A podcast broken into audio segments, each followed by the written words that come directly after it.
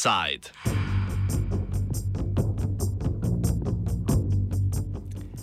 Krvave rane Republike Haiti.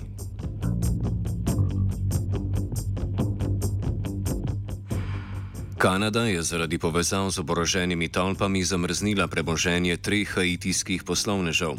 Kanada in Združene države Amerike so v preteklih mesecih sankcionirale več pripadnikov politične in ekonomske elite, ki jih obtožujejo podpiranja tolpaškega nasilja in upletenosti v trgovino z ilegalnimi drogami. Med tarčami sankcij se je znašlo več nekdanjih in aktualnih poslancev, poslovnežev in tudi nekdani premijer republike Mišel Marteli, ki je bil na oblasti med letoma 2011 in 2016. Združene države Amerike imajo na Haitiju močan vpliv že od leta 1915, ko je ameriška vojska okupirala karibsko državo. 20-letno okupacijo so izvedle z argumentom politične in gospodarske stabilizacije ter vzpostavitve miru v državi. Dejansko dejansko pa so jih k temu vodili lastni finančni in politični interesi. Na, se, na Haiti se je nedavno odpravil neodvisni novinar Colin Mayfield, s katerim smo govorili za današnji offside. Are actually sanctions imposed on a number of different Haitian politicians for uh, for human rights abuses and corruption. Uh, most of the sanctions do come from the United States and Canada, which that in itself has made both of those countries more unpopular with the Haitian populace. You do see protesters angry at both the United States and Canada over this sort of thing. Uh, as far as the general public goes, the opinion is very uh, divided on the U.S. Some people are more appreciative uh, and remember U.S. aid after the 2010 earthquake, but for a lot of the general public in Port-au-Prince, what's more embedded in their national consciousness is the U.S. occupation that lasted in the in the 1930s, and uh, the U.S. support of the dictator Papa Doc Duvalier. So those things have you know led the U.S. government to be unpopular with the general people, whereas officials in government, you know, see stability coming from the United States and you know, the Biden administration has pledged to support police in Haiti as they're fighting the gangs. And, and a lot of individual gang leaders are sanctioned. So, for example, a lot of the G9 gang, barbecue in particular, is sanctioned by the United Nations. Po stoletjih španskega in francoskega kolonializma so Haitici pod vplivom francoske re revolucije in razsvetljenskih idej konec 18. stoletja izvedli uspešno revolucijo, v kateri so se iz okov osvobodili sužnji. Revolucija se je končala leta 1804 z razglasitvijo neodvisne države.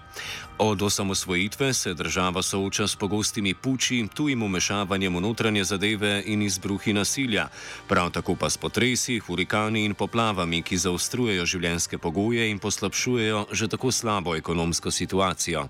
Haiti is a country that's racked by various different crises, but it's also a country that's very divided along class lines. So, different segments of the Haitian population have very different day to day lives. It's a very unstable, fragile country. I mean, it's arguably a failed state. And within Haiti, there's a resurgence of cholera, you know, extreme poverty, acute hunger. I only spent time in the capital city of Port au Prince, and most of the major issues are in Port au Prince. It's it's important to make the distinction between the capital city and the rest of the country because a lot of the most extreme poverty and worst violence and highest per capita kidnappings are found in Port au Prince. So that's to say that that part of the country is significantly worse than other parts, which isn't to say that there's not, you know, gang violence and slums in those parts. It's just they're not nearly as prevalent. But uh, within Port au Prince, there's a lot of fighting. Over a thousand people have been killed in the city this year. Uh, it's a city of 3 million people, and some 96,000 are internally displaced because of the gang fighting. The government only controls about 75% of the city, so it's a it's a very fragile, very fragile situation. Humanitarna kriza državljanom najrevnejše države na zahodni polobli onemogoča dostojno življenje ter jih sili v životarjenje in borbo za kruh. Več kot 70 odstotkov 11 milijonske populacije živi pod pragom revščine, približno polovica prebivalstva pa mora preživeti z manj kot dolarjem in četrt na dan. Dostop do osnovnih dobrin, kot sta voda in gorivo, je zelo omejen. Zaradi boja za oblast med vlado in drugimi političnimi akteri, slabih gospodarskih pogojev in epidemije je v porastu nasilje tolp, po državi pa se širi tudi kolera. Preživetje večine prebivalstva temelji na pomoči nevladnih organizacij in denarju, ki ga domov pošilja haitijska diaspora. Haiti is a country run by NGOs. Um, so many of these people survive because of NGOs and, um, you know, uh, Doctors Without Borders and so many other human rights groups, uh, the Red, the International Red Cross, um, UNICEF aid sometimes gets delivered, but um, all these different NGOs have been operating in Haiti, doing what they can to help but there's just it's just so many different groups and it's just such a, a fragile state that no one human rights organization seems to be making any progress. And some human rights organizations actually claim to be threatened by the government. So i actually spent some time at the national the national center for the defense of human rights in port-au-prince and i spoke with a number of employees there about their uh, their legal work that they do, trying to hold government officials accountable. And they have accused the you know police of being widely corrupt, widely involved in the gang activity, you know, being paid off, and uh, have accused the politicians verbatim of being complicit in the gangsterization of the country. Because, like I said earlier, so many Haitian politicians are alleged to have gang ties and you know are, are alleged to use them to do their bidding.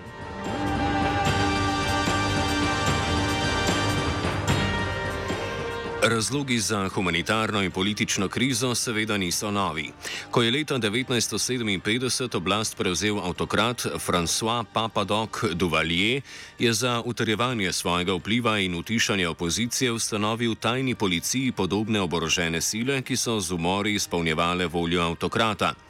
Duvalier se je razglasil za dosmrtnega predsednika in vladal do smrti leta 1971. Užival je podporo Združenih držav Amerike, ki so za ohranitev njegove oblasti v državo pošiljale denar, orožje in vojaške sile. Videle so ga namreč kot protivtež komunističnim gibanjem.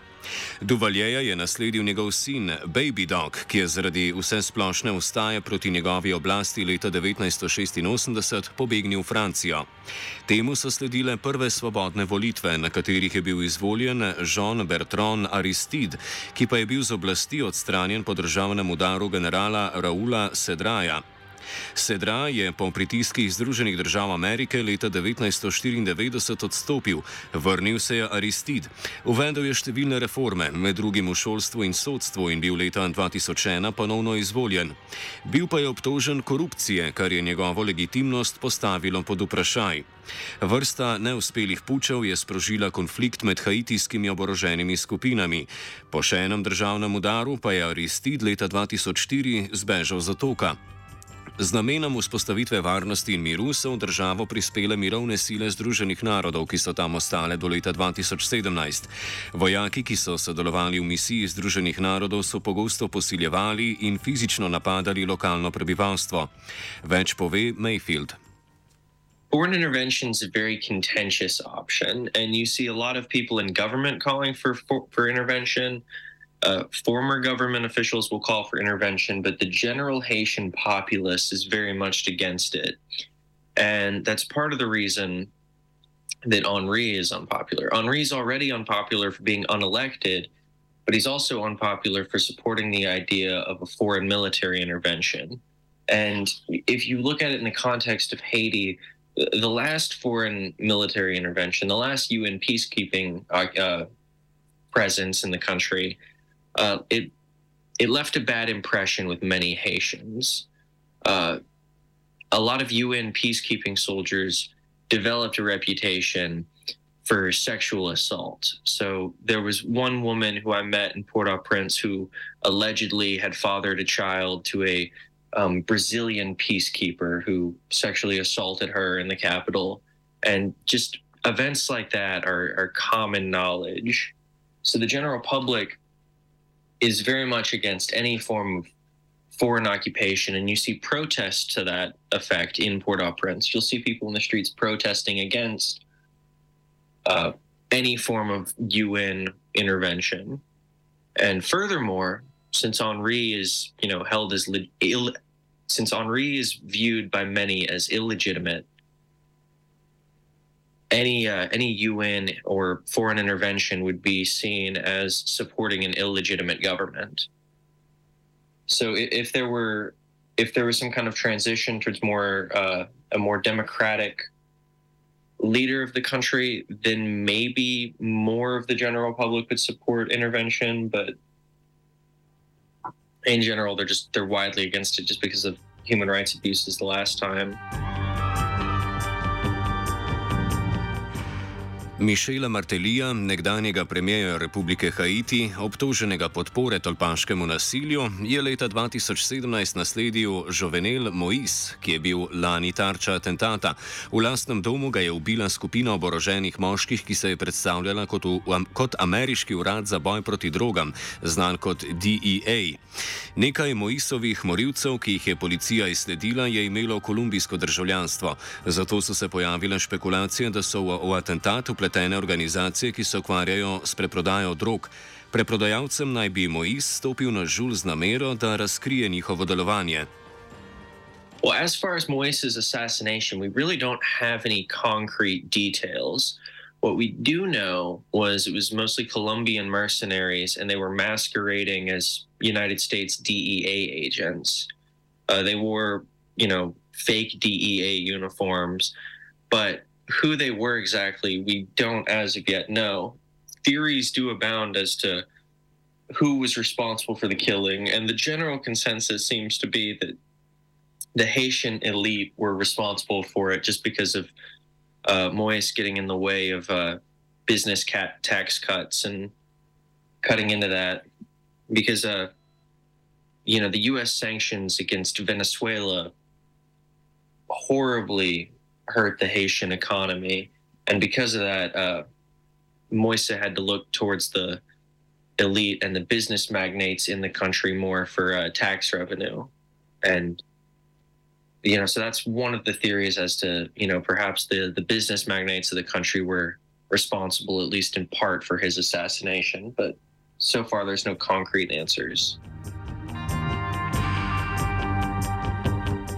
Mois je imel kot predsednik dobre odnose s federacijo Tolp G9, ki je nastala leta 2020. Ustanovil jo je nekdani policist Jimmy Cherizier, ki nosi ulični nadimek Barbecue. Po poročilih nevladnikov je obstajal dogovor med vlado in federacijo, ki je omejeval pregon tolp pod pogojem, da te ohranjajo mir na ulicah otoške države. Jimmy Cherizier je takoj po Moisovi smrti pričel z mobilizacijo ljudi za, za proteste, na katerih so zahtevali pregon morilcev. Nekaj tednov po Moisovi smrti je G9 pričela z oboroženo mobilizacijo in prevzela nadzor nad soseskami. Haitijski politični in ekonomski eliti je napovedala vojno.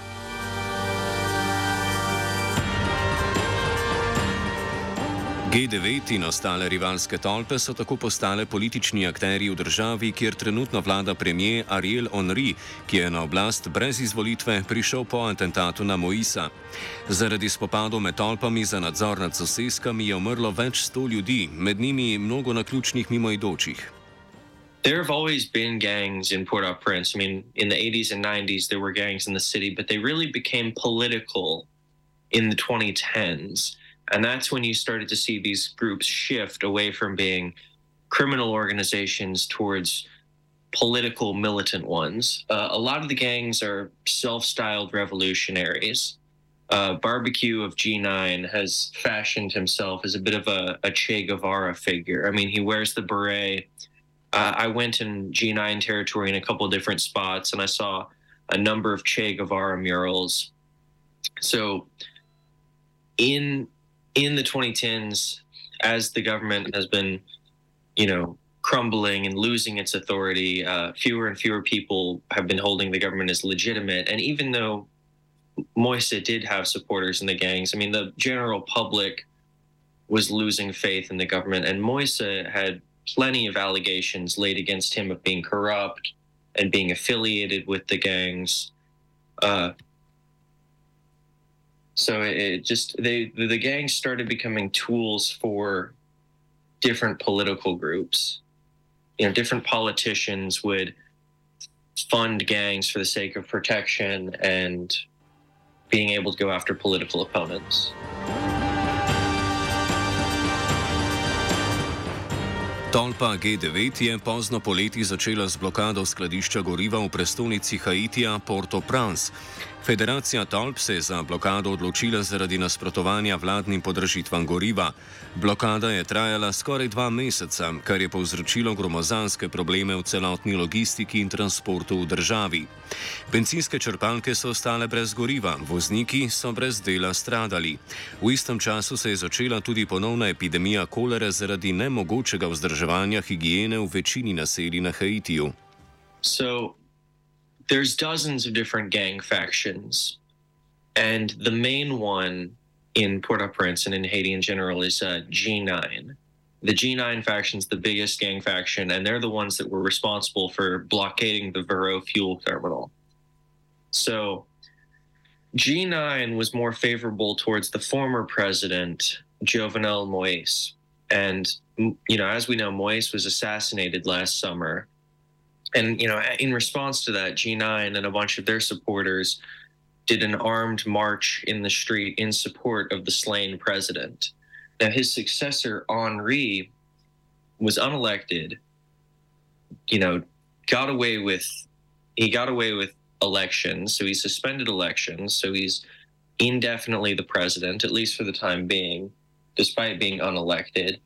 And uh, a few months ago he ended the fuel subsidies so fuel costs rose for all of the Haitian populace.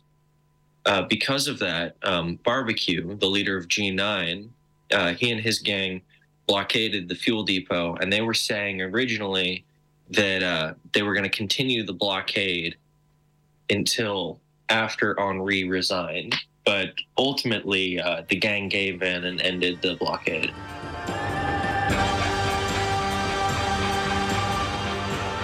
Ariel Henry je med blokado pred dvema mesecema zaprosil za tujo intervencijo, čemur pa mednarodna javnost oziroma Združene države Amerike vsaj do sedaj niso ugodile. It's a country racked with crisis, and a lot of people seem to think that foreign aid is a a solution that would fix everything, and people fair people fail to look at the fact that you know previous UN actions in the country uh, did sometimes have, you know, soldiers act with impunity, and uh, there was a lack of oversight. And those types of uh, human rights abuses should not go ignored. And uh, you know that's why a lot of the Haitian public is is opposed to any any intervention. And and also, like I like I brought like I mentioned earlier, just, just to bring it back to this, any intervention would be viewed as illegitimate because it would be viewed as supporting Henri, who is viewed as illegitimate for being unelected and suspending elections. Offsite je s pomočjo Perota pripravila Vajenka Lara.